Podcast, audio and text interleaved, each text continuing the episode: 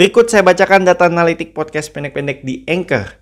Total pemutaran ada 9.350 kali. Episode dengan jumlah pemutaran terbanyak berjudul Podcast Pendek-Pendek Podcast teratas Spotify dengan 80 kali pemutaran. Secara geografis, 96% berasal dari Indonesia, 4% berasal dari Amerika Serikat, kurang dari 1% berasal dari Jerman, Belanda, Denmark, Malaysia, Taiwan, Spanyol, India, Inggris Raya, dan Prancis. Berdasarkan platform mendengarkan, 55% menggunakan web browser, 36% menggunakan Spotify, dan 9% menggunakan platform lainnya.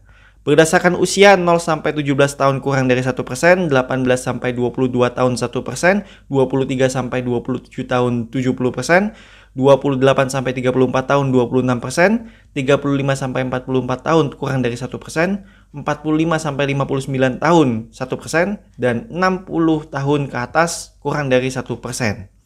Secara gender, 96 persen berjenis kelamin pria, 4 persen berjenis kelamin wanita, kurang dari 1 persen berjenis kelamin tidak ditentukan dan non-biner.